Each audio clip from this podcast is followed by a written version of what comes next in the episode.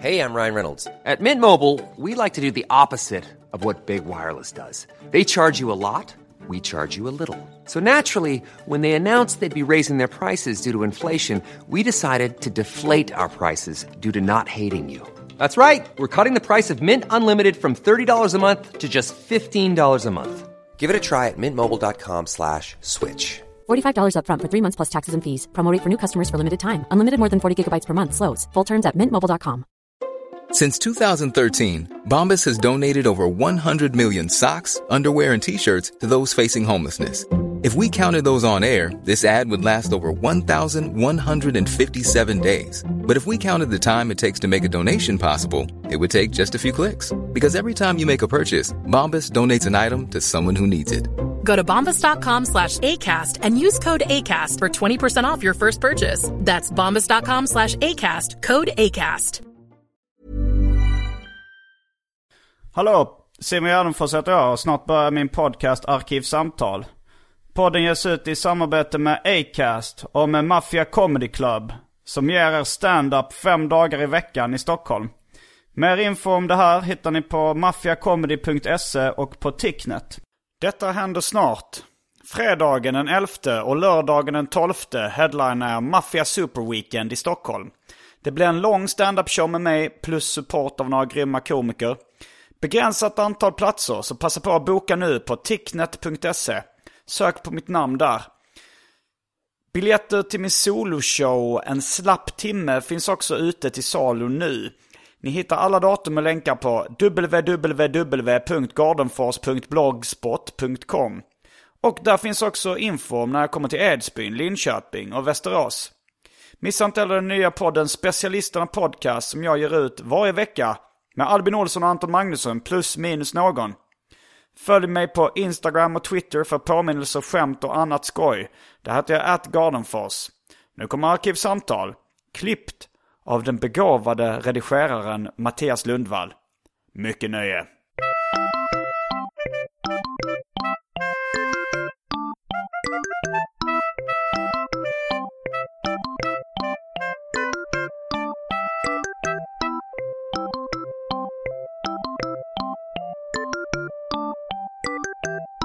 Hej och välkomna till Arkivsamtal. Jag heter Simon Gärdenfors och mitt emot mig sitter Liv Strömqvist. Välkommen hit. Tack så mycket. Nu blev jag mycket stelare helt plötsligt än vad jag var när Jag, vi jag pratade. noterar att du liksom sänkt en tonart för det var så här, jag är för hög och sen så sänkte du som att du började prata med en lägre.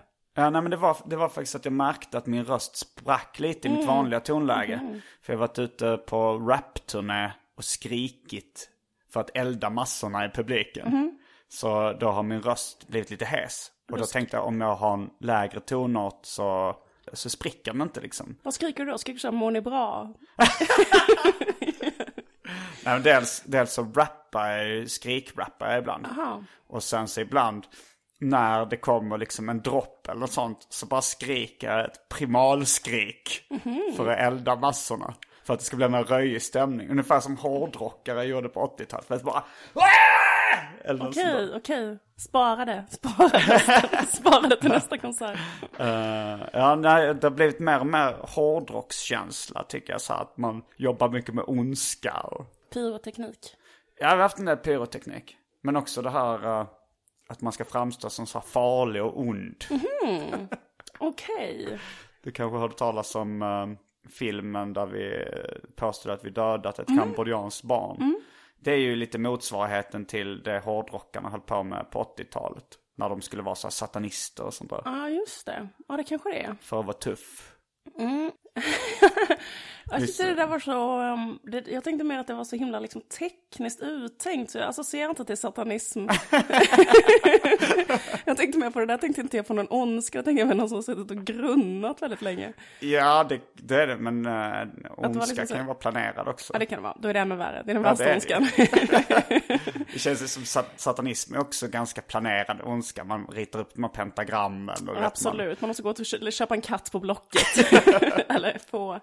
Det, är en, det måste vara jobbigt. Absolut, styra upp. Det, det kräver ju sin, eh, ja, kräver sin planering. Man måste ha en kombination av att vara liksom, om man ska vara ond eller göra väldigt mycket dåliga saker, man måste liksom ha en driven personlighet också. Annars Ja. är det många som är onda och slappa och då blir det inte så mycket gjort. Tror du inte?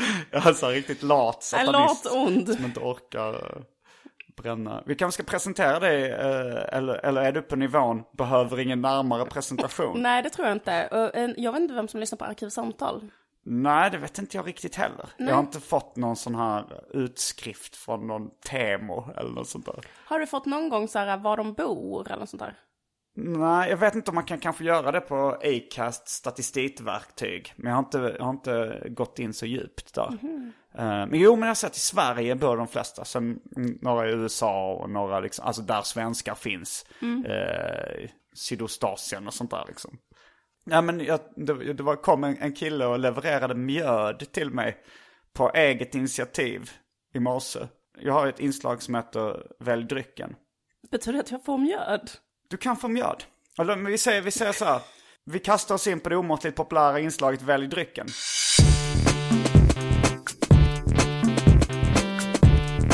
Jag tror vi börjar med det fasta inslaget Välj drycken. Jag väljer mjöd. Det, det, det, du måste ju höra alternativen. Okej. Det finns rött vin, det finns Baileys, det finns tre sorters mjöd. Från då eh, den här killen som kom förbi och lämnade, han jobbar på... Beskriv mer om den killen innan jag dricker det. Eh, ja. Det ser ut som någon som får med planerad ondska. Han ser ut som en kille som jobbar med att servera mjöd på Sjätte Tunnan. Vilket han också gjorde. Sjätte Tunnan är då en medeltidskrog i eh, Gamla stan i Stockholm. Han ser ut som en kille som kan, kanske inte tycker illa om vikingarock. Okej, men han kom hit för att han lyssnar på Arkivsamtal. Han lyssnade på Arkivsamtal, han mejlade till mig och frågade om han fick lämna lite drycker. Det, det, det gillar folk att göra. Alltid när jag kör stand-up och sånt i andra städer så kommer folk från folk och frågar här är ett bidrag till Välj drycken. Och så får jag lite olika drycker. Okej, Det här är nog första gången någon kör hemleverans tror jag. Men jag, jag, ibland hämtar jag ut paket på posten. Folk har skickat från London och sånt där också. Wow. På, han kom på en liten vespa tror jag det var, eller motorcykel.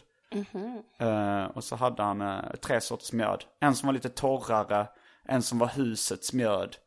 Och en som jag tror var eh, lite vit mjöd. Det var lite så här vinmjödaktigt. Bryggt på honung. Okej. Så har vi drinken Hawaii Gay Club. Passoir, Malibu och citronsaft. Ah, det låter svingott. Man kan välja två drycker kan jag ju lägga till. Kan jag få mjöd och Ja, men jag, jag, blev också, jag kunde knappt värja mig heller. Sån här dry martini. Och dry martini. Vill du ha tre? Nej, jag skojar bara. Nej, jag vill ha två. Jag, jag skulle vilja ha den här husets mjöd. För jag vill inte så här göra mig till och ta något... jag håller på att vara en sån störig jävel som skulle bara ha så ett, något annat än husets mjöd. Och så skulle jag jättegärna vilja ha en sån drink. Hawaii Gay Club. Ja men den är jättegod. Eh, Eh, då är vi strax tillbaks med två mjöd, två Hawaii Gay Club. Och efter eh, vi är tillbaks så kommer ni få veta vem Liv Strömquist är. Egentligen. Häng med!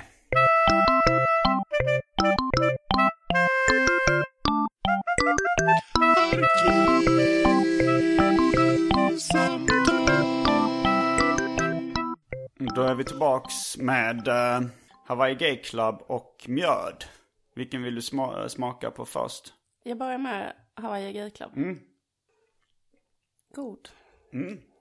Då tar vi mjöd. Ska jag säga ett bättre adjektiv än god? Måste- Du jobbar ju ändå med språk. mm. Ja, Den var väldigt fruktig. Okej, kolla mjödet då. Ja, mjöd, det smakar inte som annat mjöd. Alltså vinmjöd skiljer sig rätt mycket från den här öliga mjöden. Jag tyckte det här var gott. Det var gott. Jag trodde att det absolut inte att det skulle smaka så här. Jag är, jag blir förvånad nu. Vadå, vin, vadå vinmjöd? Finns det det? Ja, eh, den här mannen eh, som gav mig mjöden. Han berättade att i Norden så bryggde man någon slags vin istället för på druvor så bryggde man på honung. Eftersom man inte hade några druvor. Men sen så känns det som att den mjöden jag har druckit på, på just sjätte tunnan har varit mer som öl. Men det var gott, det är lite smakar som glögg, glöggigt också. Ah, eller typ som honung och vin. Ja men det gör nog lite. Honungsvin. Honungsvin. Sånt som man dricker i paradiset. Eh, vill du göra en kort presentation om vem du är? Egentligen. så egentligen. N- ja, men jag eh, är en uh, vattuman som... Du tror väl lite på sånt? Nej, det gör jag inte. För jag hörde dig i en, eh, en taxi i Japan en gång prata om eh, stjärntecken väldigt länge. Men det var bara för skojs skull då eller? Nej, jag tror, tror, tror på det liksom ibland och ibland inte. Orkar inte bestämma mig. Men, Jag är, vad heter det, serietecknare. Och jag gör poddar. Så det är liksom de två grejerna jag gör kan man säga just Ja. nu. Och jag har, och jag bor i Malmö. Och ehm, jag är 37 år. men du är lika gammal som Jag är jag. lika gammal som du, exakt. För vilken månad är du född? Februari, Så du är äldre än är. exakt. Eh, och eh, vad heter det? Jo, jag har två poddar. En som heter Lilla Drevet och en som heter En vargsak sin podd. Som jag har med Caroline Ringskog Ferrada Norli. Som också är, du känner, eller hur? Du har Jag känner- gått i samma klass, eller skola som. Ja, ja, jag känner den lite grann. Så eh, vad gör du mest nu för tiden? Tecknar du mest eller gör du något annat mest? Alltså jag har gjort, sen så gör jag liksom massa andra grejer också hela tiden. Så jag tecknar nog mest när jag liksom, liksom precis innan, jag, det var ett, jag gjorde ett album som kom ut eh, för liksom ett år sedan och några månader sedan, alltså till Bokmässan förra året. Menstema. Ja, just det, Kunskapens frukt heter den. Ja, menstema hade varit ett dåligt namn. För. Mäns tema. Biltema. Det var arbetstiteln som sen föll bort. Men ehm, då, då har jag ju så här liksom att jag sitter i ateljén hela dagarna och har liksom arbetstid och så. Ja. Nu så har jag liksom inte så här suttit i ateljén och jobbat. Alltså jag gör någon teckning då och då. Jag Ja. ritar ibland i någon tidning och så. Och sen så gör du poddarna. Har du något annat eh, jobb för tillfället? Jag har spelat in ett tv-program eh, som ska sändas i ehm, eh, vecka nio. Vad är det för tv-program? Det är ett som jag har gjort med Horace Engdahl. Det är nog inte klart egentligen vad det kommer heta, men det handlar om så här klassisk bildning, vad är det typ? Och eh, så åker vi till, eh, vi åker till sex olika ställen och eh, pratar om olika, liksom, vad heter det, europeiska, klassiska, liksom, ja, författare, konstnärer, massa olika. Finkultur. Jag har för mig någon gång så att du, har, har inte du pitchat ett tv-program med Caroline Ringskog Ferrada Norli? Jo, det har jag. Nu, jag kommer fan inte ens ihåg hur det programmet var nu. Jo, men jag tror att det var som vår podd, fast det var liksom att vi också hade... Fan vad stört, jag kommer inte ens ihåg hur det var. Det var typ så Jag tror inte det var så bra. Det var typ så att hon och jag låg i en säng och typ snackade. Just det, så gick vi och skulle vi gå och hälsa på någon och prata pratade om något ämne. Så, här. så pratade, grejen är att vi hade träffat, ehm, vad fan heter han nu? Christer Henriksson. Christer Henriksson. Vi hade träffat Christer Henriksson på Bergman veckan på Fårö och delat en taxi med honom. Och haft ett sånt jävla sinnessjukt samtal med honom i liksom hela taxiresan. Det är ganska långt från Fårö hela vägen till Visby. Ehm, och han bara liksom öppnade upp på ett jättesjukt sätt och bara pratade och pratade och pratade och pratade och pratade och pratade. Och då var vi så här, fan vi så jävla bra kontakt med dig nu Christer, vi måste liksom så här göra något ihop som... så bara, var vi så här, du ska vara med och pilot, vi ska vara hemma hos dig och prata om livet typ. Och så var vi det och sen så, eh, men jag vet inte, hur som helst, det blev inte någonting. Men han var mycket så här, eh, han var, han var liksom så, så som man kan bli när man liksom så supit jättemånga dagar. Så det var så, så här, på hemväg från en sån flera dagar lång fylla på något sätt. Och han sa massa konstiga Ehm, saker. men han, han, han, var så, han fick så jävla mycket insikter. Liksom, Att han vände sig om till oss och stirrade. Han satt i framsätet och vi satt i baksätet. Mm. Så liksom satt han så här vriden och var typ så här, du vet, bara så här. Vet du vad jag tror? Jag tror att alla är bisexuella. Alltså så- den typen av insikter. Du förstår? Ja, men det, det, det är en ganska svennig insikt som, som många, många tar upp. Det behöver man inte ha supit sett. Jag bara menar den känslan av hybris, att man har den typen av hybris, att man tycker att det är så, Ja, så det jävla det- fantastisk insikt. Tror du att det var några eh, narkotiska preparat inblandade? Det låter mer som en sådär eh, att vara vaken på tjack i fem dagar eller någonting. Nej, jag tror han dricker skitmycket vin och öl. Eller gjorde då. Ja. Det, jag, jag, det, är, det är lite svårt att, eh, att sitta här och prata med dig om, om det här utan att komma in på Kringlan-gate. Tycker jag. Det här med Christer Henriksson. Nej men det här att ha supit väldigt mycket och, och säga udda saker. Eh, och sen plus att han just eh, hoppade av frågetecken är podcast. hade han själv velat fortsätta eller hur var det? Alltså det var så, det är faktiskt, jag kan nästan fan inte ens svara på det själv. För det är så jävla konstigt, det kändes som att det kom från typ tre håll samtidigt. Först att han sa upp sig, liksom kan man ju säga, själv genom att mejla. Eller också... Han gjorde det in, Nej men han skrev efter, så här, jag efter vill... han hade haft uh, utbrottet i AMK morgon. Nej men liksom innan det skrev han ju på Twitter. Och till oss också så här, jag vill aldrig mer samarbeta med Aftonbladets kultur. Och i så fall så jobbar liksom inte jag med Lilla Drevet typ, för ni ska jobba med dem. Och det var liksom när han fortfarande var så himla arg. Ja. På grund av vad de hade skrivit om honom. och då, så då började det liksom från hans sida så här, jag vill inte vara med. Och sen så sa väl Åsa, han får inte vara med. Och sen så, ja så var det väl liksom en situation då, hade vi i och för sig teoretiskt sett kunnat säga så här, då säger vi också uh, fuck you till Aftonbladet för att om vi lever i ett samhälle där inte Kringlan får våldtäktshota Åsa Linderborg, då tänker inte jag vara med. och ställa sig upp som en man. Och eh, så här, det, det hade vi kunnat göra också, men det hade känts fel för det kändes inte som att det var vår åsikt. Nej.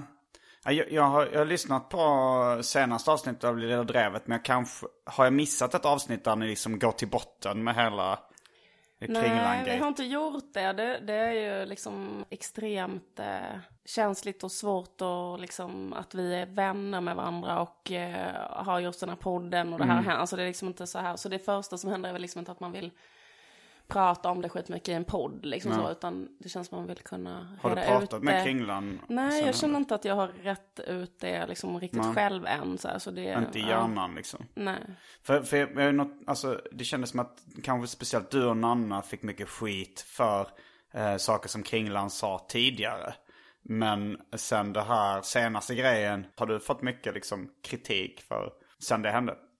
Inte så himla mycket, men det är klart att det har varit en sån stämning. Det har ju varit helt liksom exempellöst. Alltså jag kan inte komma på någon gång. alltså jag, jag kan faktiskt inte komma på något drev som har varit så där liksom hela... Det har varit så många aktörer som liksom yttrat sig unisont hur liksom illa de tycker om en person som detta. Eller kan du komma på något? Alltså det första som kom upp eh, är ju drevet mot Mr Cool. Som jag och, eh, samarbetar väldigt mycket med. Alltså Anton Magnusson. Skillnaden där är ju att Antons skämt är, är mer planerade och genomtänkta. Medan det här var mer, alltså Kringlan har väl gjort liknande skämt innan som har varit mer planerade och genomtänkta. Och sen, sen var det här mer en fyllegrej som jag ser det. Men, det, men, men jag, jag var med om lite det här med, alltså nu när, vi, när jag och Frej tog på oss, eh, när vi sa att vi hade mördat ett barn i Kambodja. Då blev det ju ett drev kanske två dagar. Alltså tidningar och, och sådär ringde. Och, och jag la på luren i örat. Så. Det var ju ändå ganska psykiskt påfrestande. Även om jag visste precis vad jag gav mig in på. Liksom. Men du måste ju ha planerat det och tänkt att det fanns en poäng med att göra det. ja, visst. och därför Vi hade planerat ville- i, i, ja, ett och ett halvt år. ja ungefär. Fyra år. Nej men vi, hade, vi spelade in det förra vintern. Och Ja, okej. idén kom, eh, tror jag, ä- ännu tidigare. Kände ni att det var liksom illa valt att göra det precis efter Kringlan Gate? Eller att det blev... Eh, Alltså det känns som alla tillfällen är rätt så dåliga. Vi skulle egentligen släppa låten samma dag som uh, det här Trollhättan-morden. och då så var det ju att P3 ställde in vår intervju när vi skulle släppa den låten. Då kanske videon skulle komma några dag, dagar senare. Och sen så kommer jag ihåg att när vi väl bestämde oss för att släppa låten på riktigt, eller videon, så gick jag upp på morgonen och så såg jag att så var det så här, ja men nu har det läckt ut en video när någon polis dödar någon i Chicago. Så tänkte jag så här, det här kommer ju folk, men sen det är ju folk som blir dödade varje dag på olika sätt. Man kan alltid hitta någonting. Jag tyckte Kringlan-gate, det påminner inte så jättemycket om nej. vår grej. Men folk kopplar ihop det liksom. Men man kan säga så här komiker som går över gränsen. Ja. Har, har humor gått för långt eller jag vet inte vad. För Ja, vinkel. jo. Eller är killar för dumma i huvudet eller en sån Jo, där så, vinkel. jo, jag hörde din, det kan jag rekommendera till lyssnarna, eh, Liv gjorde en utläggning om, vad vill du kalla den utläggningen?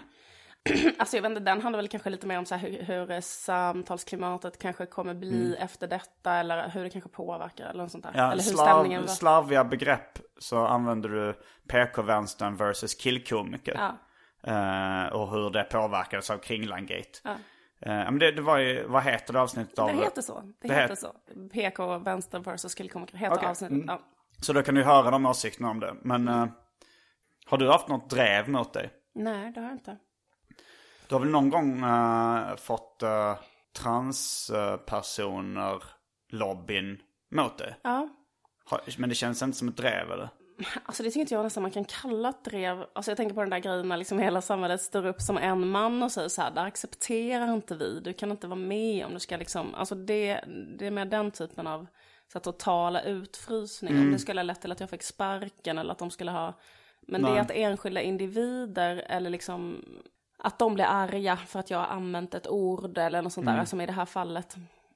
Det var liksom sådär kanske om jag höll en föreläsning att någon kunde ställa sig upp i publiken och säga till mig så här, "Ah, vad fan håller du på med? Alltså det var, så det på det sättet, men det pågick en ganska kort tid. Vad var det kortfattat som eh, folk protesterade mot? Jag kan inte säga det ordet då, för det, fast de, den, den här gruppen lyssnar sig inte på din podd kan jag garantera. Jag hade använt ett nedsättande ord om transpersoner. T-ordet? Nej, Nähä?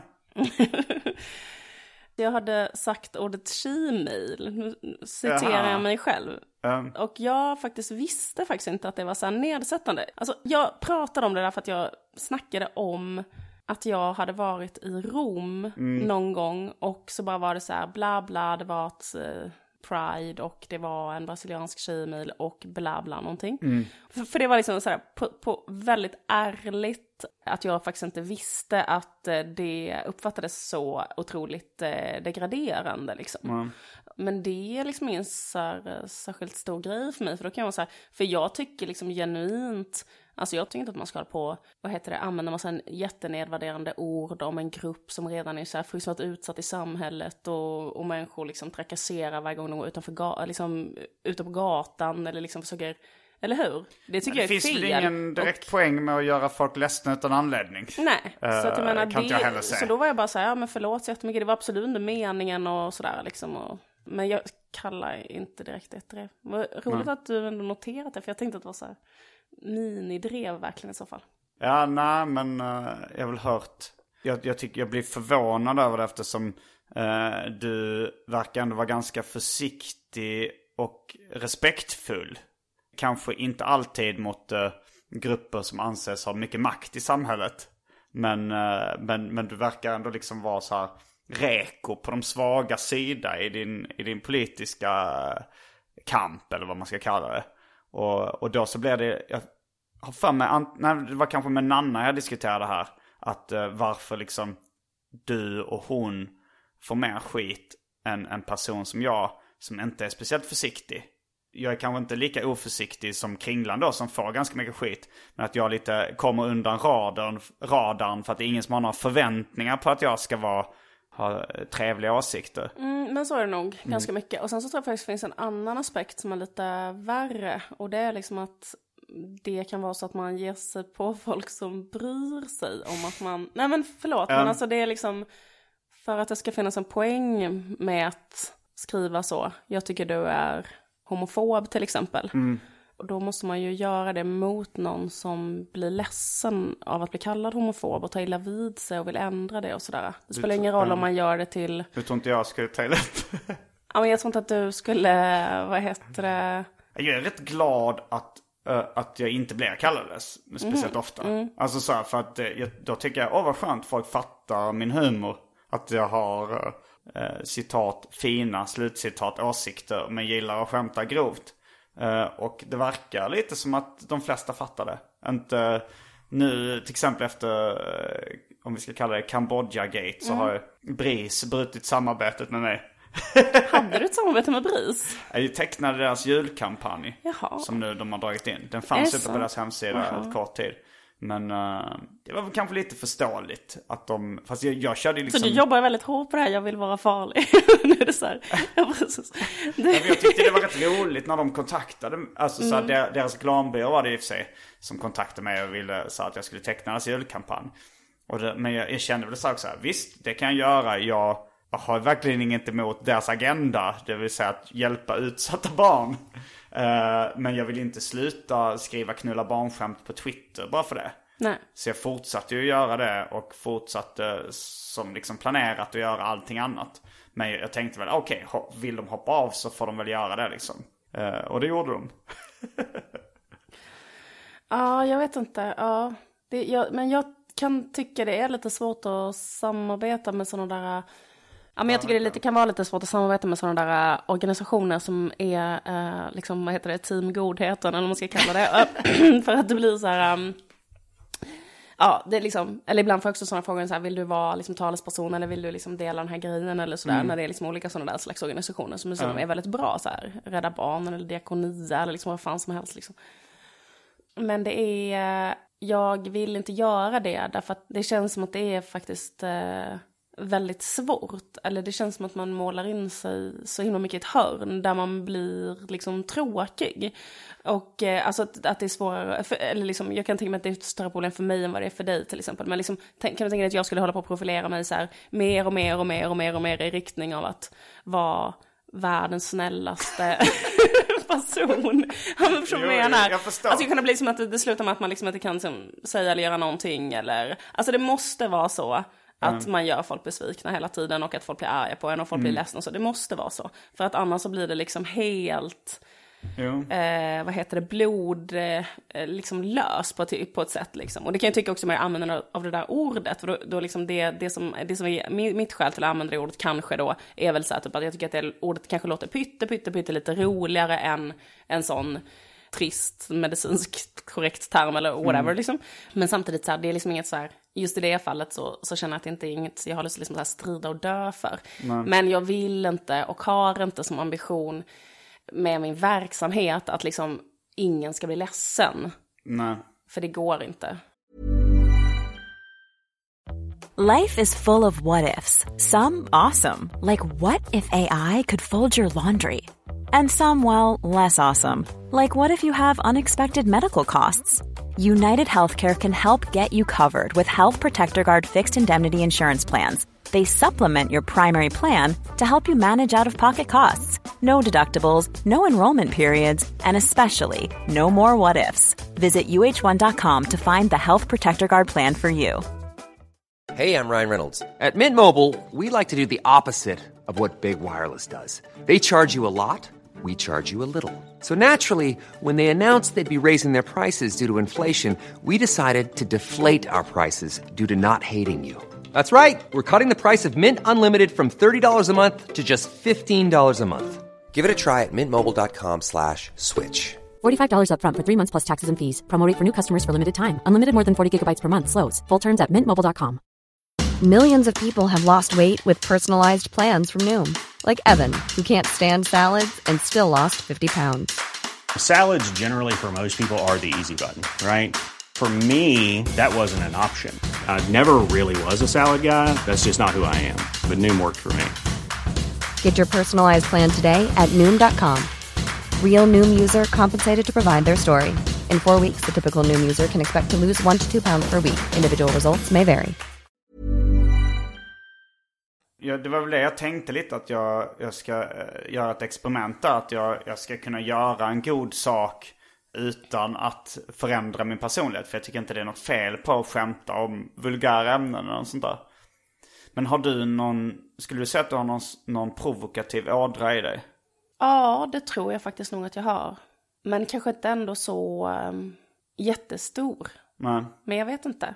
Men, det är ganska du lätt själv... att provocera som eh, som när du började ganska tidigt komma ut som feminist och sådär. Då var det ju nog för att provocera. Men sen så är frågan då ifall det är, ifall man njuter av det för att man känner att man står på frontlinjen politiskt. Eller att man bara känner så här, att det är ett bra fuck you liksom. Men vad du skulle fråga? Men du... Men jag skulle fråga dig, mm. alltså med den här grejen med att eh, jag vill vara farlig i humor. Du snackade mm. om att du har sysslat med det mycket och att du har somnat mycket med Anton Magnusson och sånt. För det var en grej som vi diskuterade i den här, eh, när vi pratade om det här i min podd då.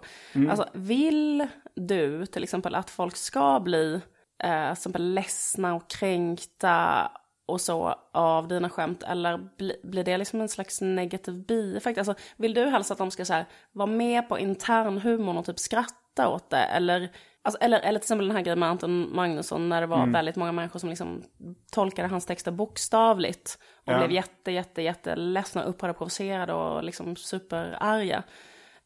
Var det något liksom som han så ville när han skrev texterna? Att det skulle bli den reaktionen? Jag uppfattar det som att han mådde ganska dåligt när, eh, när folk re, eh, reagerade så. Och att jag tror det handlar mer om att han eh, försökte roa sig själv och sina kompisar. Och, och sen så liksom när han Blev bokad i Emmaboda liksom, så ja. växte det så att folk som inte förstod humorn blev inblandade. Och att då blev det liksom bara jobbigt för honom liksom. ja. Oslipat standupklubben gjorde en sån här kväll som hette Oslipat tolkar Mr Cool. Där det var jag, Elinor Svensson, Petrina Karlsson och lite andra komiker. Då, gjorde vi, då tog vi våra mest provokativa skämt och, och körde inför en publik som kom dit för att se det. Och då så skrattade de ju jättemycket åt liksom de mest fruktansvärda sakerna man kan tänka sig att säga. Och det tyckte jag var otroligt skönt och roligt. Att fixa stora skratt på sånt som, som jag inte brukar få skratt på. Men det det är en ganska komplicerad fråga för att lite av den roliga känslan är ju om du tänker dig seriefiguren Dennis blir jagad av farbror Nilsson fnissandes och han är rosenrasande. Att det här busfrökänslan är ju en del av den humorn också. Men, men jag mår inte bra om jag går upp på liksom mack i Malmö som är en så här ganska Alltså så här, en äldre publik, Svennig Norra publik, Brunn, svennig publik liksom. Och drar mina grövsta skämt och folk bara tycker det är obehagligt. Då, då tycker jag inte det, då uppfylls jag inte av någon glädje. Eh, men det är en ganska komplicerad fråga. För jag kan ju uppfyllas av glädje ifall jag så här, twittrar ut någonting som jättemånga uh, hatar. Och bara blir arga på. Men då kan jag sitta i hemmets trygga vrå och tycka det är lite kul. Så. Ja, ja, mm. Men det är jobbigt att bli jagad av en pöbel med... Ja, nej, men också. Jag vet inte, när, när jag såg, eh, alltså när vi, när vi erkände det här eh, barnmordet i Kambodja. Eh, och det stod i BLT då, Blekinge läns tidning, den kommunen där Frej kommer ifrån. Så stod det liksom väldigt så här rubriker så här. Far och son er, erkänner att de dödat en pojke i Kambodja. Och då såg det verkligen ut som att vi hade gjort det på riktigt och det såg så verkligt ut. Och då, då fick jag ändå en sån här liksom, saker blev just på allvar känsla. Det var så här, ah. Jag skrattade ändå om vartannat som jag kände obehaget. Det, det är väl den här balansgången som, som jag gillar på något sätt också. Jag, jag skrattar nog som högst när det, är, när det är någonting som är så fruktansvärt att man inte riktigt kan greppa det. Att det är det som jag tycker är roligast också. Men, men jag, så att det, jag kan varken säga ja eller nej på den frågan. Jag gillar ju när alla bara är med på humorn. Och jag kan ändå uppskatta lite om när, eh, när folk så här, eh, ja men Dennis farbror Nilsson förhållandet. Om vi ska kalla det det. Ja, ja. För jag vet inte, för jag blev uppringd så av en Kvällsposten-journalist för, för eh, typ förra veckan eller någonting. Mm. Och då var han bara så här, ja men ville göra någon sån grej så här, bara, ja, men jag har varit och kollat på din pjäs på Dramaten och det är en scen där Glenn Hysén blir mördad. Du har en Eh, pjäs på ja, Dramaten Ja, jag har en pjäs på Dramaten nu, exakt. Vilken då, är det? Den heter Liv Strömquist tänker på dig. Det är samma som har gått, den har gått väldigt länge där. Och det är en sammanslagning av dina olika album. Ja, precis kan man säga. Men jag har skrivit vissa nya texter och så. Men det finns liksom en scen där, eller jag har liksom blandat ihop en, em, en scen från Medea, där eh, grekiska dramat. Där jag liksom, eh, och blandat ihop det med Glenn Hysén och hans liksom kärleksförhållanden. Och så liksom klippt ut grejer från där hans exfru bara pratar i Hänt Extra och sånt där. Och så liksom bytt ut det så att de är som en grekisk kör. Och då är det som att det slutar med att de mördar honom på scenen. Med en kanelbulle i och för sig. Det är väldigt så här. men då är de så här, då ringde de och så här. Är det sant att du, ja vi har ringt Glenn Hysén och sagt att du har en pjäs på Dramaten där du mördar Glenn Hysén. Eh, liksom så. Och då vill, vill liksom de att jag ska säga det och sen ska det vara så här. Som en sån klassisk kvällstidningsartikel. Och sådana saker får jag liksom ångest av. Alltså det tycker jag är jättejobbigt. Jo. Liksom då får jag bara så här, usch, jag vill inte att ni ska liksom ringa och besvära man- den där äh, stackars människan. Eller vet, sitter han och dricker kaffe och har det härligt. Och så ska någon psykopat, konstnär hålla på och liksom kränka honom. Jag tänkte liksom att det här kommer aldrig nå honom. Men ehm, så, att det liksom, så att jag vill inte provocera på det sättet. På det sättet är jag väldigt konflikträdd. Jag gillar inte alls sådana saker då. Liksom att jag skulle, det skulle liksom break my heart om Glenn Hysén blev ledsen över det. Eller sånt där. Mm. Du vill inte göra någon less... Alltså Nej, även när du gör inte. rätt hårda påhopp i dina serier. Du har gjort en sån här Robert Gustafsson. Jag kommer ihåg jag, jag snackade med dem när jag, tyckte det lät som nästan sån här liksom battle rap text. Att det var så här, bara köttade på rätt hårt på, på känsliga ämnen. Och, och var, alltså det var, det var ju roligt men det skulle ändå kunna liknas vid en mobbing eh, slash battle rap grej liksom. Ja men jag tror att jag var så här inspirerad då, den gjorde den så här 2011 och liksom Mm. jag kanske ritade 2010, att jag var väldigt inspirerad av så här roasts och kanske hade typ stått och kollat Ja, på det. ja. Mm. Och var så här, typ tyckte att det var kul och tänkte så här, jag går i den här riktningen i den här serien, att jag gör den här typen av skämt och bara gör dem värre och värre och värre liksom. Mm. Men det är också så här, äh, jag typ skrattade när jag kom på det och när jag ritade det. Mm. Och då tänkte jag att jag så går på det, att jag skrattar nu liksom. Ja. Men ehm, det går liksom inte att förs försvara det så liksom. Om någon skulle ställa en fråga med varför har du sagt att... eh, Men det går ju att försvara det med att det var roligt. Alltså, Ja. där, men där, där är det verkligen att jag... Eh, jag brukar liksom försvara, försvara humorn ganska länge. Men just eh, om man ska ta ner det till en personlig nivå så kan jag inte riktigt försvara 100% humor. Att någon liksom eh, retar någon i skolan för att den har brunt skinn eller något sånt där. Så, och hela klassen tycker det är jätteroligt att dra rasistiska skämt. Då känns det som att då är det, där kan jag inte riktigt säga okej humorn måste alltid gå först. Så spelar det ingen roll vilka offer det har. Utan det, det finns ju ändå eh, den typen av gränser. Ja. Men jag har nog mer en liberalare uppfattning om humor än vad folk har i allmänhet. jag kommer ihåg jag fick ett brev från en, eh, från en lyssnare. Eh, som var så här. Hej Simon, tack för en bra podcast. Bla bla bla. Jag fick höra en sak från en kompis på Spotify igår. Som gällde en sak du är inblandad i. Vi pratade om det att han berättade att det blivit panikstämning på jobbet dagen innan. Ledningen fick veta att två barn använt Spotifys sökfunktion för att hitta dansmusik med sökorden barn plus disco. Mr Cools låt Knulla barn som du gästar på dök upp som första förslag. Alla möjliga chefer blev involverade och bestörta. Kort senare var låten borta från Spotify. Min kompis var dock inte säker på om den tagits bort helt eller om det bara inte dyker upp vid sökningar längre. Själv har jag inte Spotify, kan inte kontrollera detta. Vet du hur det här ligger till? Har du eller Anton hört något från Spotify från det här? Det vore intressant att höra era tankar om det här. Eh, jag kollar att eh, låten ligger kvar på Spotify. Och jag tyckte det var roligt. Det blir en rolig bild när barn söker på... Alltså Antons skiva heter Discofeber. Eh, och det är en rolig bild när barn söker på disco plus barn. Far och son är lite så här dagis. eh, Min son kom, kom ju hem så från sitt dagis och har lyssnat på Mm. far och son på sitt dagis. Men det har jag Mm. berättat för dig. Att han var så här, jag vill lyssna på den här... Um, fan, Dubbel margarita. Just det. Jag fick faktiskt uh, margaritaglas av Nisse Hallbergs mamma på grund av den här låten. Det är de vi har druckit drinkar och nu. Så att vi sitter med vars, i viss mån dubbel margaritaglas. Men Ja, verkligen. Ja. Var det den låten eh, din son ville lyssna på? Mm, exakt, för att han hade hört den på dagis. Att de liksom har den och, och spelar. Jag vet inte om du borde få så här pengar för det på något sätt. Att Stim... Att Stim, om, om jag vet inte vad, om de har så här, eh, eller jag vet inte, de Hur, gamla, hur gamla är dina barn? Ja, men då gick jag nog på dagis och då spelade de på en avdelning som är mellan, vad det 3 till 5 år. Ja. Mm.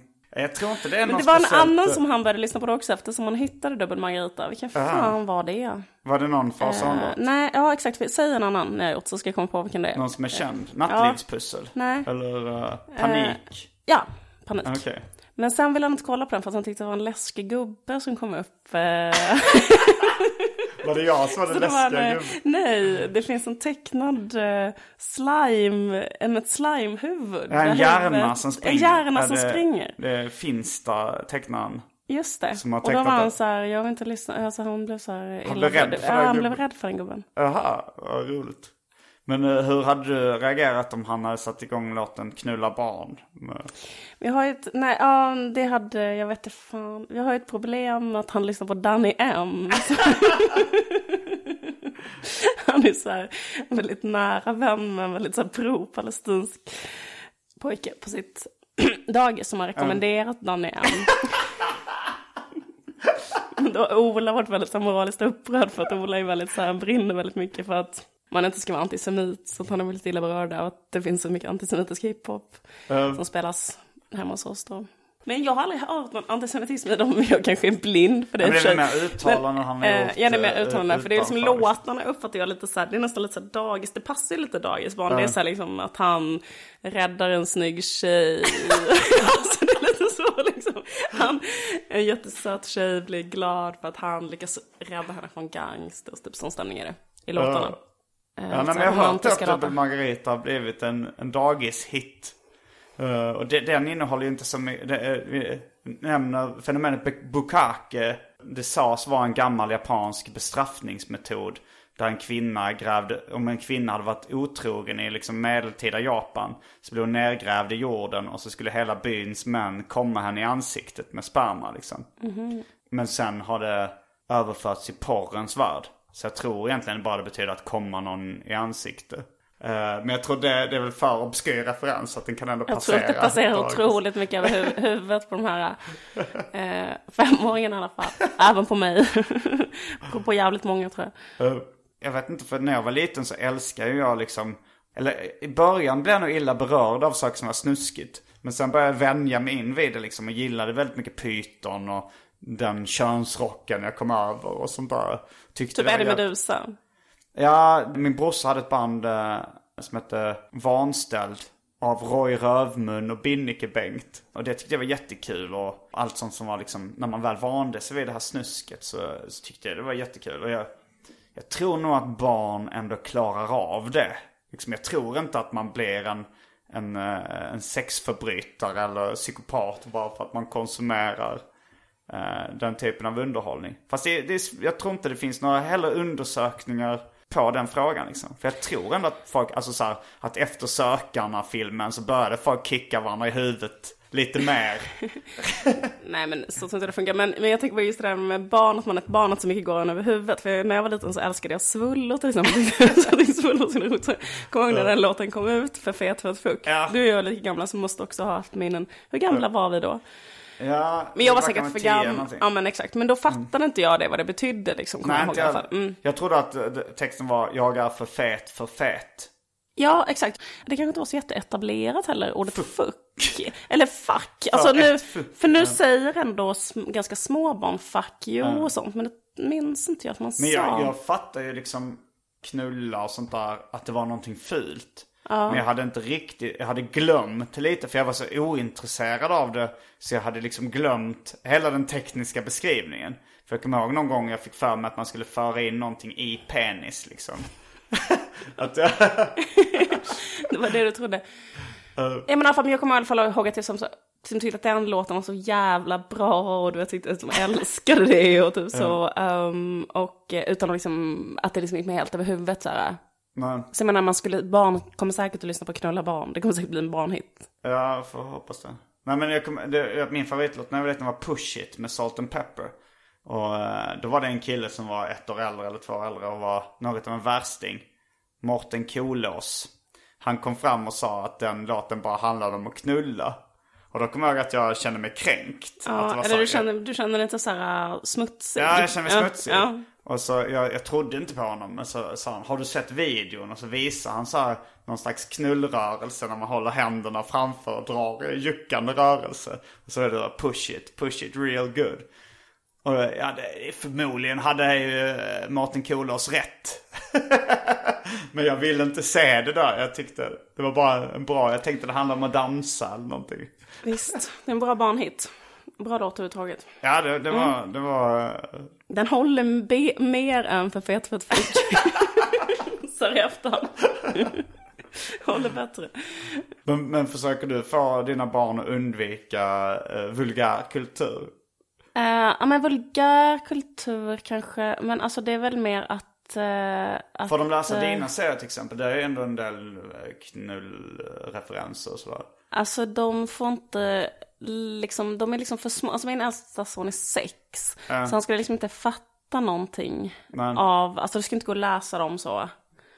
Vad det står. Däremot kan jag visa dem vissa bilder. Alltså i min senaste album så har jag visat dem bilder. Jag har ett ganska fint uppslag på två rymdvarelser som eh, jag visar dem till exempel. Det tycker de är jätteroligt och de tycker som om. har sex med varandra. Nej, nej. Men alltså de kan uppskatta vissa bilder så här. Ehm, jag försöker introducera mina barn för sex genom jag att tänkte så här, bilder jag själv har tecknat på rymdbollsprocess. Nej men då, då, det de är mer känsliga för, alltså min sexåring, det kan jag komma ihåg själv från den åldern, att man kan vara så jävla känslig för en viss typ av så här läskiga bilder så, så det är mer det. Alltså typ att just att han blev så jävla illa berörd av den där hjärnan, han kan tycka vissa saker, jag har haft ett problem för att jag har haft så här Linda Spåmans eh, tarotkortlek hemma. Och då har hon liksom, vissa av de där bilderna är så här, typ en avhuggen kvinnokropp till exempel, eller, eller sådana såna bilder. Och, eh, och det tycker han är obehagligt. Typ, eh, han gillar liksom inte, alltså han gillar så här läskiga grejer men liksom inte att det är för läskigt. Så som det kunde vara när man var liten, man typ har sett flim, något flimra förbi på tv så kan man inte sova som flera veckor och sådär. Eh, typ en zombie eller någon utan huvud eller den typen av grejer tycker han är superläskiga. Så det är nog mer det jag tänker på. Däremot om någon skulle knulla så här på tv och det skulle gå förbi, alltså jag tror, nej det tror inte jag han skulle liksom bli så. Nej. Jag kommer ihåg när jag var liten att så, här, alltså jag var lite pryd då. Att jag gillade inte snusk på tv. Alltså så här, när någon pussades eller så här. Men, men samtidigt så tror jag att det var lite att jag, eh, att jag ville leva upp till någon slags bild av hur barn var. För att det var så här att barn tycker inte om sånt här snusk och så här. Och så, så köpte jag den klichén. På samma sätt som, eh, eh jag kommer ihåg någon gång så här om någon, frå- eh, min, alltså så här, min storebrorsa eh, ville smaka på min pappas öl. Det kanske var lättöl eller något sånt där liksom. Så här. Och så sa jag någon sån där, jag tycker bä- bättre om hallonsaft. Vilket, jag, vilket bara var så här kliché som jag tänkte så här, men det här är typiskt typ som barn som barn ja, ska ja, säga. Och man visste att man kunde få lite uppskattning för det. Ah, min pappa sa, ah men så ska barn. Ja det är rätt Simon. Det. Och så fick du många skratt på det, folk tyckte det var charmigt och så, Ja, eller? Gulligt kanske. Ja. Men det känns, nu tycker jag det känns lite pinsamt, lite vidrigt av ett barn som är, det blir lite lillgammal trots att man försöker vara barn. Att man, man vet exakt vilka förväntningar som finns på en och försöker leva upp till dem. Att, Det är som ett självmedvetet barn som eh, försöker liksom och, och eh, hö, pres, högprestera på att vara barn. men har du tänkt så här, i den här åldern så är de redo att läsa mina serier eller? Eh, nej, jag har inte tänkt på det överhuvudtaget. Men eh, jag kan tänka mig att det kommer vara så som jag känner inför min pappas konst. Eller så, alltså så här liksom att det bara är Vad så här. gör din pappa för typ av konst? Nej, men liksom, du vet, kanske liksom skulpturer av, liksom, du vet, abstrakta skulpturer kanske och liksom, han gjorde rätt många olika grejer. Jag gjorde tänkte nog att han gjorde så här och- nakna människor. Nej, nej, det nej, det inte du tyckte. alls. Nej. Jag menar mer så att man inte är intresserad av Mm, ja, ja. eh, vad ens föräldrar gör någonsin. Eller typ så här, skulle jag vara intresserad av att höra vad min mamma gör på jobbet. Liksom så här, vid en viss ålder skulle jag bara så här, vilja typ så veta allt om det. Alltså, jag utgår från att det kommer vara så att de kommer liksom inte bry sig mindre om en sån dammig, helt så svintråkig kulturform som folk gillade för liksom 30 år sedan eller 10 år sedan. Ja det, det är väl lite så. Eh, jag känner mig lite hjärtkrossad när jag inser att serier kommer uppfattas som poesi. Eh, Gjorde när vi var små ungefär. Att det är så här, det kommer finnas kvar men det kommer bli mer och mer marginaliserat förmodligen. Att, eh, Tror du det? jag tror nog det faktiskt. Alltså så här, poesi på Shakespeares tid så var ju det kanske den mest mainstream konstformen som fanns. Det var det som folk tyckte var fett och folk kon- konsumerade. Nu konsumerar väl i och för sig folk poesi i låttexter väldigt mycket. Det är ju egentligen rätt mycket tonsatt poesi. Uh, jo men serier, det är väl inte så många som, alltså alternativserier kanske växer men det här att, att man tar upp en slapp kalanka eller Fantomen det minskar ju liksom med rekordfart.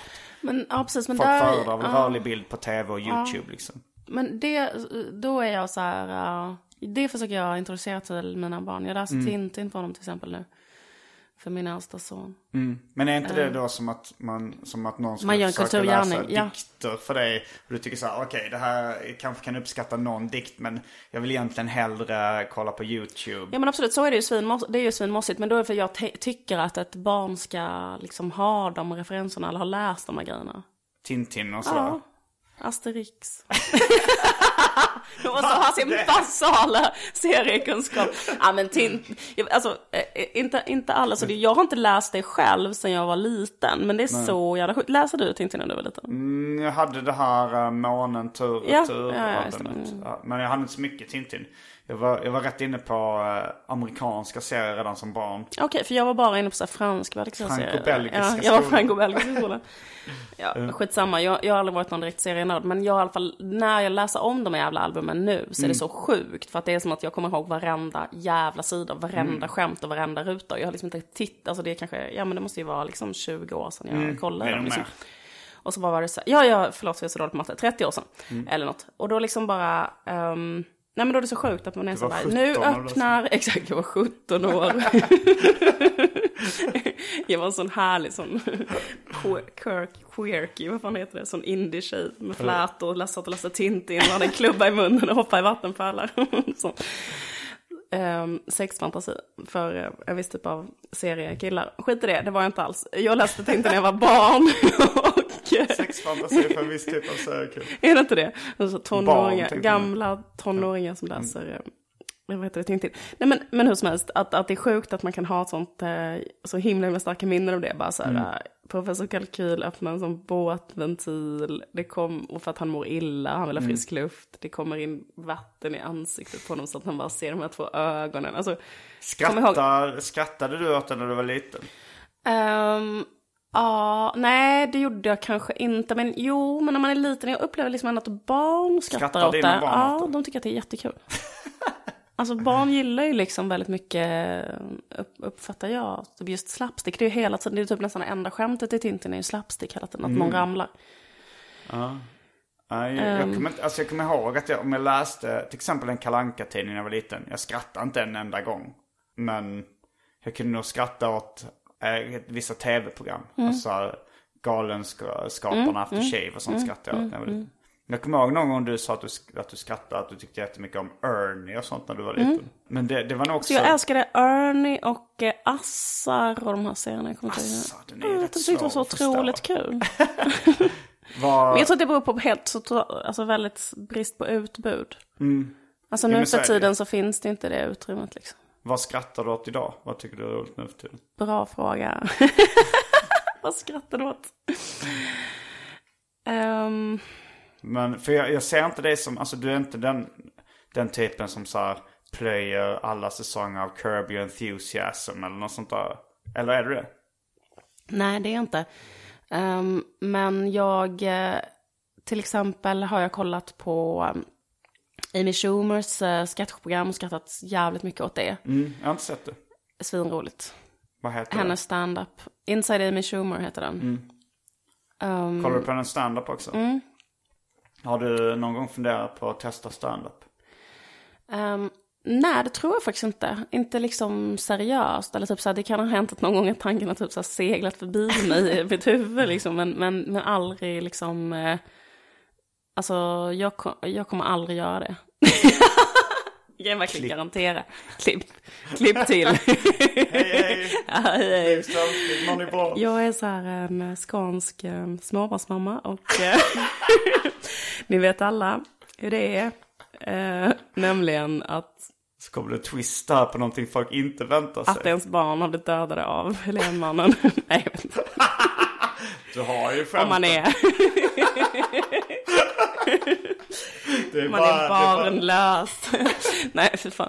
Eh, nej, uh, usch. Nej, men jag Ja, tror... bra skämt måste jag säga. Tyckte du tyckte Ja, du det? Tänkte du tycker jag har talang. Om man, om man går upp och säger jag är som vanlig skånsk småbarnsmamma.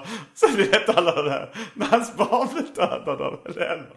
Ja, men Det är det... faktiskt ett, bra, ett rätt roligt skämt. Ja, tack. Det var snällt. Jag ska reconsider. Nej, men eh, det är faktiskt ett problem i Skåne att det är så jävla mycket sexmördare där. Det är, det är inte bara Helénmannen utan det är överallt. Det är liksom Många Kristian- sexmord. Ja, det är många sexmord på barn i Skåne om man jämför med andra kommuner. Är det så? Ja, visst, absolut. Det måste man ha för förståelsen för att förstå det där skämtet. Ja. Men i alla fall, men ehm, Det är roligt för det är sant. exakt. Och det är också satir. Ja, det Satir kanske över vi ska, vi kanske ska berätta om uh, ordet satir. Spontana känslor. Ja, eh, det är faktiskt jävligt märkligt. För jag kommer ihåg när jag hade gjo- gjort mitt första album. Då blev jag inbjuden liksom att vara med i någon slags eh, konstigt liksom tv-program som var, leddes av eh, han som hade filmkrönikan en kort period, Fredrik Salin. Och, ehm, Och det typ skulle gå, gå- bara gå på Kunskapskanalen, och ett panelprogram. Alltså skulle bara gå, vara med som gäst. Och då hade jag liksom aldrig varit med i tv eller någonting. Och det var så här bara, ja men då är jag ute och ser albumet. Och vad handlar det om, frågar jag den här diskussionen. Ja men det handlar om satir, för du gör ju satir liksom. Och då var det typ jag och så här Johan Kroneman och någon annan som sitta och gaffla om det liksom. Runt ett kafébord typ. Men, men det var liksom typ första gången nästan på riktigt, alltså helt ärligt så var det som första gången jag typ nästan hörde det ordet tror jag. Eller fattade, eller du vet så här. Och sen dess har folk liksom sagt det till mig ibland, så bara, men det är ju det du gör och så. Fast jag har liksom inte tänkt själv så här, det, det, det ska jag göra. Men var du med och, och startade Tankesmedjan i P3? Nej, det var jag inte. Alltså jag, eh, de kom på att de skulle göra ett politiskt satirprogram. Vem var det som kom på det? Jag tror att det typ var så här ledningen som kom på det, eller liksom att de hade någon slags, eh, alltså jag tror att det kom uppifrån. Alltså som, Ja. ett, eh, som en beställning helt enkelt, att så här P3 borde göra ett så här politiskt satirprogram. Men för jag kommer ihåg, jag läste en intervju med dig i Metro tror jag det var, när det just skulle släppas. Och då så, så pratade de om det liksom att tankesmedjan och jämförde med Timbro, att det fanns något roligt i det. Och då, då fick jag intrycket av att du hade varit med och tagit fram konceptet i alla fall. Jag tror att vi typ kom på namnet tillsammans eller något. Eller så gjorde vi inte det, jag kommer fan inte ihåg. Jag tror att det var så att vi hade en chef som hade liksom fått den beställningen och då så tog hon på sig att sätta ihop och då var hon väldigt så här förtjust i Simon Svensson. Då var hon så här, Simon Svensson ska vara programledare och vara så här straight guy. Och sen så ska vi typ ta in vissa andra. Vilka var det i originalsättningen? Det var eh, eh, Simon och jag och Sara Hansson och eh, Jonathan Unge. Mm, okej. Och då hade liksom hon typ så här åkt och kollat på stand-up. Det var i och för sig lite ambitiöst faktiskt av henne. Mer ambitiöst än vad chefer brukar göra på P3 faktiskt. Ja. Att typ gått ner och kollat på något någonstans och typ sett Jonathan. Mm. Och typ ta, att han skulle göra, Han bodde väl Han- till och med i Stockholm då? ja han började nog göra så här krönikor för morgonpasset någon Mm. sommar. Och sen så fick han det jobbet. Och för annars brukar de inte veta någonting om humor, inte ha koll på det och inte vara intresserad av det alls och så. Men jag har sett Rille Närbe har jag sett på standupklubbarna i Ja Stockholm men han ibland. är kanske det, ja, precis. Men jag tänkte innan dess kanske lite mer att det var mer så outstämning. Jag kommer ihåg när de skulle värva folk till Pang Prego, då satte de bara upp lappar på stan så. Ja, Jag har ju väldigt låga förväntningar på uh, P3s humorscouting. det, jag tänker, jag blir också eh, förvånad om att någon har varit med och kollat på standup. Ja. Eh, det känns många där som inte gillar humor speciellt mycket. Fast i och för sig gillar de ju politik. Alltså så här, det var något skämt som hade blivit, eh, ett program jag hade gjort som hade blivit stoppad av då Anne Sovagi som är ansvarig utgivare. Och hennes argument var så här. Men jag förstår inte syftet. Vi har haft mycket problem med tankesmedjan. Men de har ju en politisk journalistisk agenda. Och att det då liksom, så kände jag, då är det inte humor man är ute efter. Om det, då är det, det är som man ser humor mer som ett verktyg för en politisk agenda. Syftet var bara att det ska vara roligt. Men hon kunde inte se vad som var roligt och därför plocka bort det liksom. för att det var provokativt ja men så också. är det ju eh, jättemycket. Men så tycker jag det är överallt i hela samhället. Ja, att det det finns ju. liksom ingen förståelse för typ humor som konstform eller så alls. Utan det är bara så, det är bara roligt ifall du också vill någonting som är samhällsuppbyggligt eller så. Det är Ja. bara roligt då. Och eh, så. Ja, jag, blir, jag blir rätt så provocerad av det. Alltså när, eh, när det känns som att den här, återigen Kambodja-filmen till exempel. När folk tänkte att det bara handlar om humor. Helt osmakligt, helt otänkbart. Varför gör ni det här? Det här får inte finnas. När någon sa om det kanske fanns en annan, en politisk tanke. Åh, oh, klappa händerna. Kör, kör i vind. Som att eh, humorn är så bespottat på något sätt. Att det har inget egenvärde. Det är liksom folk, eh, ja men folk kan ta in vad fan som helst. Det får eh, mycket hellre vara tråkigt och inte ha någon mening än att, äh, än att någonting är roligt och att kanske det finns en risk att någon blir irriterad på det. Det kanske, är- jag vet inte om det är en, en svensk grej eller om det finns länder där humor värderas högre. Men, eh, men det känns som det, det är väldigt, det är väl det här lite Nor- Norén-arvet eh, i Sverige att saker ska vara allvarliga, kanske sorgliga, tragiska. Humor Jag kanske håller på att vända lite. Det finns väl en, en liten men stark lobbygrupp som försöker värna om humor i Sverige. Men annars är det liksom inte riktigt vatten värt. Nej, så är det verkligen. Mm. Det var väl du också, eller kanske lite inne på när, i din, i din uh, rant, eller vad ska vi kalla dem, där var det PK-vänstern versus killkomiker. det jag ändå fick intrycket av, det kanske är då för att jag själv eh, mer tog ställning åt killkomikerhållet. Men jag fick ändå, ändå intrycket av att du lutade mer åt de åsikterna. Om att, ett, att det viktiga med ett skämt var att vara roligt. Den andra sidan var väl då att det viktigaste var att ingen blev kränkt. Eller att ingen blev... Ja, alltså det kanske är lite så här, alltså jag tror inte egentligen att det finns sådana renodlade grupper. För att jag menar, som, som du sa själv, så du skulle inte heller tycka att det var kul om det stod liksom en Ku Klux Klan-grupp och drog jätteroliga eh, liksom skämt om en eh, liksom, eh, liksom person som eh, liksom är hotad av dem. Eller, alltså så. Det, så det är klart att liksom alla har sina liksom... Mm sina, sina gränser så, men jag kan väl känna lite så här. Det var en lite här, rolig det... bild, det du målar upp just nu, men... Om det skulle vara en sån roast. Om han, Thomas Järvheden, skulle samla ihop en roast där liksom bara så här jätteideologiskt drivna rasister skulle sitta och roasta en så här uh, svart person. Uh, ja, men, och, det att det skulle vara väldigt... Grupper, det kändes, alltså, nej men, men att det finns liksom ändå så här, uh, jag vet inte fan. Uh. Det kändes som att du lutade uh, inte jättemycket åt PK-vänster. Alltså det känns som, det kanske var min tolkning, men det kändes som att det var en lite mer, uh, en lite mer hånande bild du målade upp av deras syn på humor. Um, ja, jag vet inte. Alltså jag kan känna så här liksom lite grann kanske överhuvudtaget. Eller så här, jag, en, jag känner mig faktiskt inte så här 100% som typ en komiker eller som någon som håller på med humor i första hand och så. Utan jag tänker så här, jag håller på med humor fast det liksom inte jag, jag liksom, eh, men jag känner att jag typ så här, kanske känner till det liksom kanske pyttelite mer ändå för jag har liksom jobbat med det väldigt mycket än mm. vad liksom vanlig, eller så här, jag kan tycka så här, väldigt, väldigt, väldigt många människor som har yttrat sig här i till exempel Kringlan-gate och så, mm. är människor som inte har alltså, en susning överhuvudtaget om så här, vad är det, vem, alltså så, vem är han, mm. eller och de skriver det också, vi har ingen aning om vem det här är och vi vet inte vad någonting om den här podden, alltså du vet att, att man liksom yttrar sig om någonting som man inte mm. vet någonting om överhuvudtaget och eh, och att man inte alls skäms över det, utan att man är bara så, nej men jag vet ingenting om detta, men jag tänker ändå ha liksom en så jävla stark åsikt om mm. så här, eh, detta och detta och detta och detta. Och det kan jag tycka känns liksom, ja det tycker jag är lite trist liksom, när man inte mm. ens en gång har orkat liksom sätta sig in i någonting. En konstform som humor till exempel. Ja. Och sen så liksom har man ändå så här otroligt starka moraliska åsikter. Mm. Um, och så tycker jag det är rätt mycket med just det av någon anledning. Eh, och sen kan jag vara lite trött på just den här stämningen som har varit ibland när jag varit anställd så, att man tycker typ nästan, alltså man tror nästan så här liksom att vem som helst kan göra det. Typ att det är en sån stämning bara så här, ja jag vet inte, ja att det är bara så. Ja men vi... Det är ju det, ja. det är därför det har blivit ganska mycket dålig humor på Petra också. För att de, eh, de tänker lite att vem som helst kan ja. göra det här. Ja. Eh, men känner du, känner du någon ilska mot Kringlan efter det som hänt?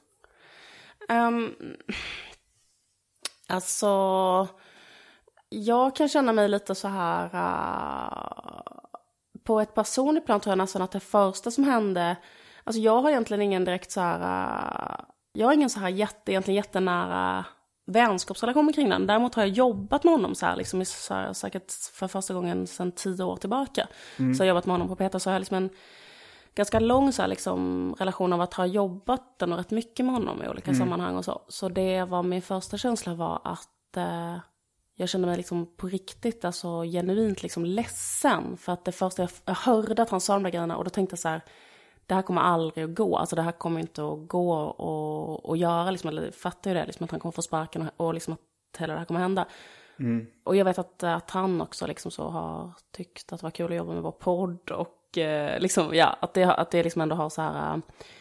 Eh, han är en person som är, som jag alltid har velat jobba med på grund av att jag tycker just att han är rolig då och har mm. ofta liksom extremt så här snabbtänkt, har liksom så här jävla språkglädje, har så här jättestark improvisationskraft. Alltså så, det är en sak, kvaliteter som man inte hittar så ofta man ska samarbeta med folk liksom. Och mm. då när man har haft honom med sig i podden så har liksom ofta ens egna grejer blivit väldigt upphjälpt av honom som fan. Podden har blivit så extremt jävla rolig på grund av att han har varit med. Alltså du vet så här att mm. Um, och då, så det känner jag mig faktiskt ledsen över liksom. Av privat, alltså om jag bara Ledsen känner, av att ha förlorat den? Ja, ledsen av att ha förlorat den, den möjligheten att samarbeta med honom. Mm. Liksom, faktiskt.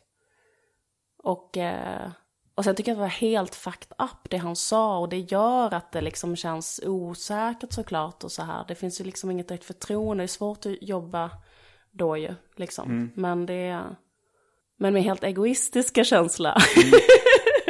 helt liksom, att, eh, att det känns, eh, att det känns tråkigt att det gick, att han gick så jävla mycket åt det hållet liksom. Det tycker jag var synd.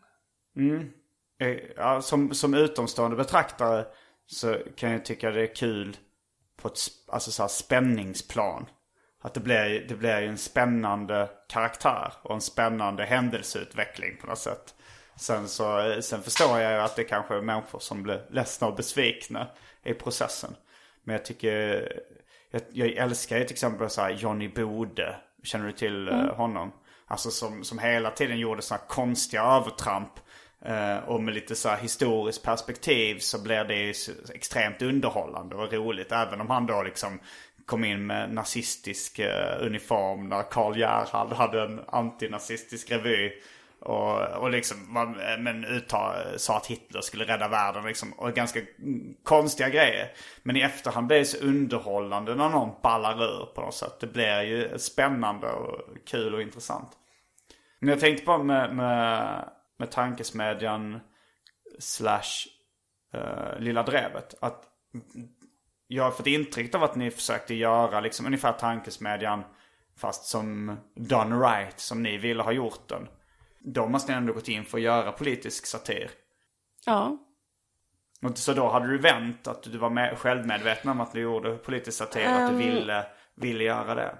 Nej men jag har nog alltid gjort, alltså jag har ju alltid skrivit om politiska ämnen och liksom skämtat om liksom, eh, vad heter det, samhällsstrukturer och politiska grejer. Alltså det har jag alltid gjort i mina serier så jag är ju så svinintresserad av samhället och typ är liksom, eh, och så. Så det är en stor liksom, för mig så var det liksom asnaturligt att jobba på tankesmedjan. Det kändes verkligen så här som eh, något helt normalt för mig att göra det.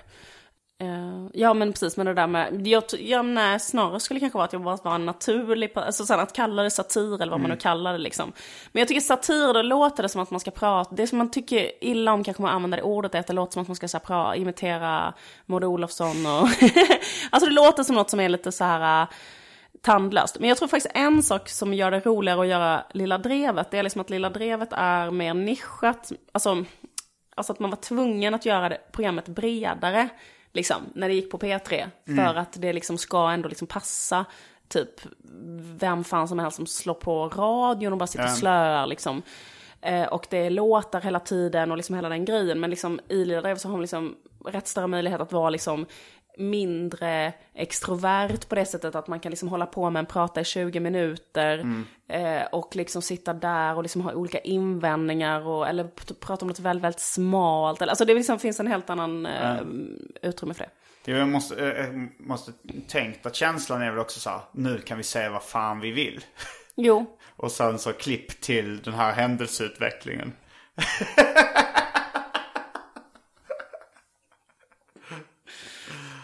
Mm. Någonting mer du vill tillägga innan vi rundar av? nej, eh, det var jättegod drink du har gjort. Go- Gott mjöd också. Ja, det var... Jag känner mig frisk nu. Jag har det på min hals. Jag tror att det här mjödet botade mig. Eller så är det att du är alkoholpåverkad och att symptomen inte känns lika jobbiga längre. Just det, Det är mer trovärdigt. Men det var, det var det den här mjödkillen som levererade.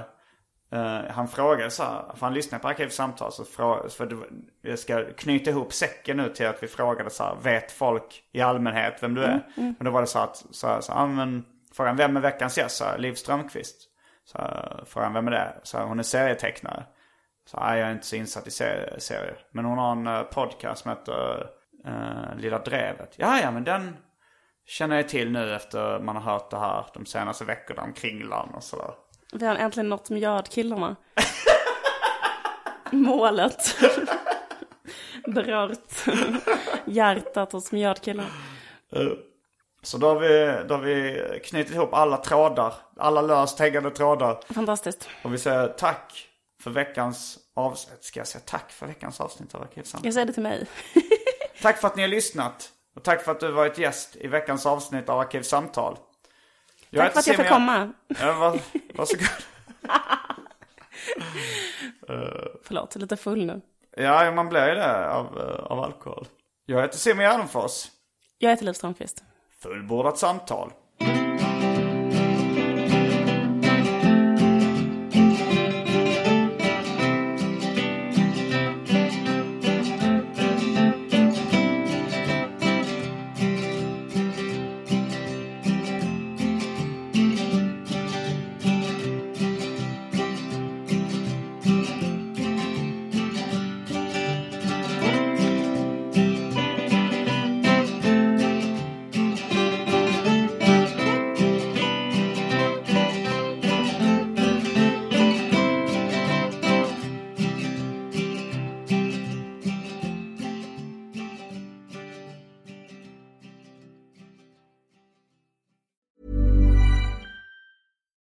Deserves the best, and there's no better place to shop for Mother's Day than Whole Foods Market. They're your destination for unbeatable savings, from premium gifts to show-stopping flowers and irresistible desserts. Start by saving 33% with Prime on all body care and candles. Then get a 15-stem bunch of tulips for just $9.99 each with Prime. Round out Mom's menu with festive rosé, irresistible berry chantilly cake, and more special treats. Come celebrate Mother's Day at Whole Foods Market. It's Danny Pellegrino from Everything Iconic. Ready to upgrade your style game without blowing your budget? Check out Quince. They've got all the good stuff shirts and polos, activewear, and fine leather goods, all at 50 to 80% less than other high end brands. And the best part? They're all about safe, ethical, and responsible manufacturing. Get that luxury vibe without the luxury price tag. Hit up quince.com slash upgrade for free shipping and 365 day returns on your next order. That's quince.com slash upgrade.